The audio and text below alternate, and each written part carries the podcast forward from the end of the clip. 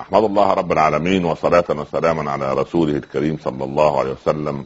أحبتي في الله أحييكم بتحية الإسلام السلام عليكم ورحمة الله تعالى وبركاته. وبعد عن الصحابي الجليل أنس بن مالك رضي الله عنه عن النبي صلى الله عليه وسلم أنه قال ثلاث من كن فيه وجد حلاوة الإيمان في قلبه أن يكون الله ورسوله أحب إليه مما سواهما وأن يحب المرء لا يحبه إلا لله وأن يكره أن يعود إلى الكفر كما يكره أن يقذف في النار. أحبتي في الله المحبة محبة الله عز وجل والحب في الله. كان الصالحون من علمائنا يقولون لم يبق في الدنيا من خير إلا مجالس الأحبة في الله. أما المجالس الأخرى مجالس فيها غيبة وفيها نميمة وفيها كلام وخوض في الأعراض والناس تقوم صدرها ضيق ويوغر صدر المسلم ضد أخيه المسلم. لكن المجالس في الله سبحان الله يعني الله سبحانه يحب هذه المجالس. لماذا؟ أكاد أهم عذابا بأهل الأرض. فأنظروا إلى المتزاورين فيه وإلى المتحابين فيه وإلى المتجالسين فيه فارفع عذابي عن أهل الأرض. والعبد سبحان الله يعني عندما يحب رب العباد سبحانه وتعالى حبا حقيقيا يحب كل شيء الله سبحانه وتعالى يختاره له. اختار ألا تختار ودبر ألا تدبر فربك يخلق ما يشاء ويختار. ولذلك العبد من محبته لله أن يدع رب العباد يختار له. فنيجي في صلاة دعاء الاستخارة. أنا حيران بين أمرين فماذا أقول؟ اصلي ركعتين معروف عند الجميع الفاتحة والكافرون والركعة الثانية الفاتحة والإخلاص قل هو الله أحد.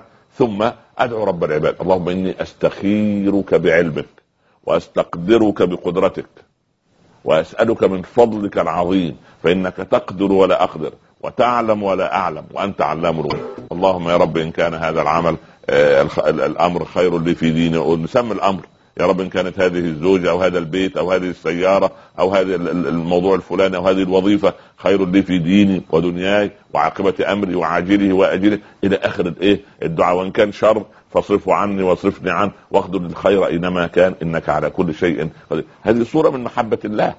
محبة الله سبحانه وتعالى أن أول ما تسمع الأذان تسارع. تلاقي أنت نفسك سبحان الله كان الصحابي يطرق بالمطرقة وهو حداد مثلا أو بالفأس وهو مزارع. فيسمع الأذان فيلقي ما في يده ثم يقول لا بورك في طرقة سمع صاحبها آذان الله ونداء الله ثم لم يجب اذا مسألة المحبة في الله سبحانه وتعالى هي عبارة عن الركيزة الأساسية التي يعبد الله سبحانه وتعالى العبد على إيه؟ يعبد العبد ربه على على إيه؟ ليس على حرف وإنما على إيه؟ على استقامة ولذلك العبد أحيانا تهجم عليه الهموم ما الذي يخففها؟ محبتك لله لأنك تعلم. من الذي ابتلاني؟ الله؟ طب الله لا يريد بي شر أبدا. بالعكس إن الله يحب الصابرين يحب المتقين يحب الذاكرين يحب التوابين يحب المتطهرين. فأنت ممكن تجمع في القرآن ما الذي يحبه الله وما الذي يحبه رسوله صلى الله عليه وسلم. وبعدين تجمع ما الذي يكرهه الله ويكرهه رسوله صلى الله عليه وسلم. وتشوف أنت في أي الطرفين ولذلك العبد المسلم الذي يتقي الله رب العالمين من الواجب أن يراجع نفسه. هل أنا أحب الله عز وجل محبة ادعاء أم محبة حقيقية؟ والله إن كانت محبة حقيقية تظهر في آثار أعمالي بحيث أن كل الناس لما تراني إذا رأيناه ذكرتنا بالله رؤيته ودلنا على الله حاله وزاد في علمنا منطقه. ولذلك المحبة ده شيء جميل أن الإنسان يحب رب العباد فيحب الطاعة. وبعدين لما يحب الطاعة لا يصاب فتور.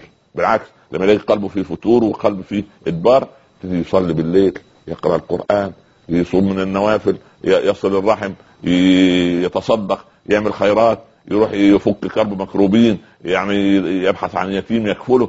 يعني أي شيء من هذا المنطق هو عبارة عن إيه؟ صورة من محبة الله. أما محبة الله محبة نظرية هذا لا يكون أبدا. إنما المؤمن يحب رب العباد حبا حقيقيا وهذا الحب يترجم إلى إيه؟ إلى عمل. هذه المحبة تترجم إلى عمل. قل إن كنتم تحبون الله فاتبعوني يحببكم الله ويغفر لكم ذنوبكم. أيضا من داخل هذه المحبة أن نحب الحبيب المصطفى صلى الله عليه وسلم الذي هدانا الطريق والذي أنزله رب العباد ليكون للعالمين نذيرا وبشيرا عليه الصلاة والسلام. فتصل درجة العبد في الآخر أنه يحبهم ويحبونه وليس العجيب في يحبونه ولكن الأعجب في يحبهم لماذا؟ لأن ليس العجب من فقير يتودد ولكن العجب من قوي غني يتحبب. أنا لما أكون ضعيف وامد يدي إلى الغني شيء طبيعي لكن أن يتودد الغني ليعطي الفقير هذا هو الأمر العجيب. فالله يحبنا يحبهم ويحبونه. رضي الله عنهم ورضوا عنه. اللهم احشرنا في زمرة هؤلاء يا رب العالمين. وصلى الله على سيدنا محمد وآله وصحبه وسلم. والسلام عليكم ورحمة الله تعالى وبركاته.